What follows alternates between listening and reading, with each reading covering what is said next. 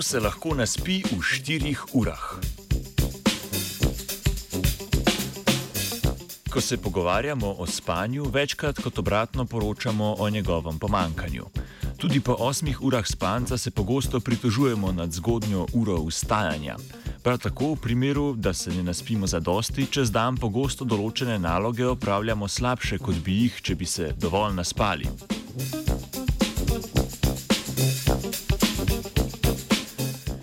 Presenetljivo pa približno odstotek ljudi spi na dan zgolj 4 do 6 ur, brez okrnjenih kognitivnih zmožnosti. Kot je pokazala raziskava, objavljena v reviji Science, ima vsaj delež teh naravno kratkih spalcev mutacijo na specifičnem mestu v genomu, ki jim podarja zmožnost krajšega spanca.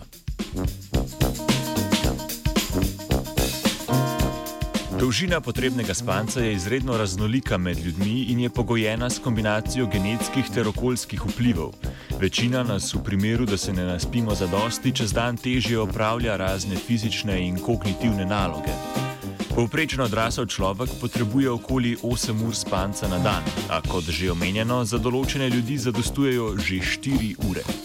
Raziskovalke in raziskovalci z Univerze San Francisco so želeli raziskati mehanizem, ki omogoča veliko krajše spanje pri določenih ljudeh.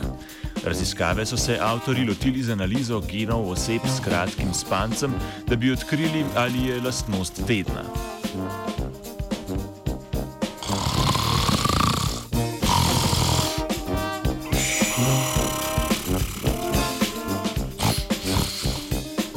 Po sekvenciranju izraženih genov v osebah s kratkim spancem so odkrili skupno mutacijo na določenem mestu v genomu.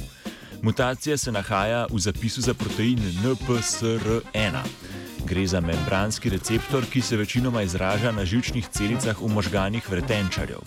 Sprememba v genskem zapisu povzroči zamenjavo ene aminokisline, ki pa pomembno spremeni aktivnost receptorja.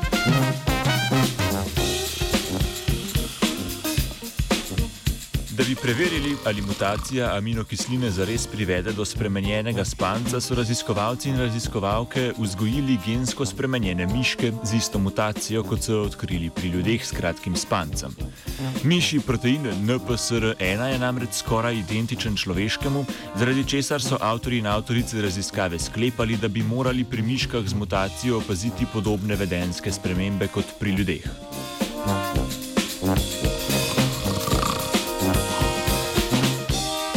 Podobno kot ljudje so tudi miške z mutacijo spale približno dobro uro manj od svojega v povprečju 12-urnega spanca. Krajši spanec prav tako ni oslabil kognitivnih sposobnosti miši.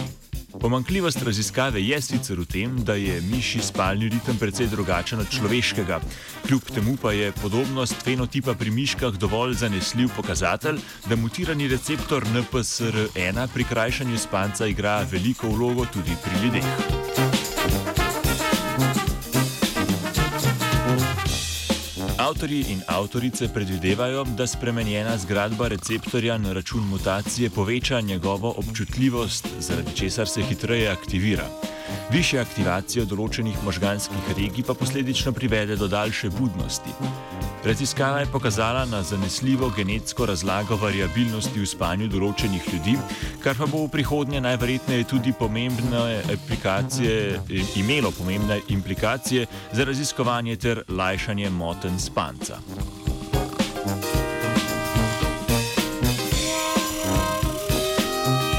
Manjše potrebe po spancu se ne bi branil niti Arne.